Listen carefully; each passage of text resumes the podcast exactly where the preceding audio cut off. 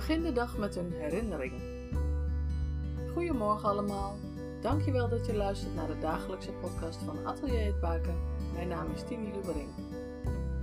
Een paar dagen geleden sprak ik over opruimen. Het opruimen van spullen geeft ruimte. Als je afstand van spullen doet door ze weg te geven, te verkopen of weg te gooien, zit er vaak een herinnering aan. Afscheid nemen van spullen. Een herinnering blijft achter. Herinneringen die je koestert. Herinneringen die je dierbaar zijn en lief hebt. Herinneringen. Welke herinneringen koester jij?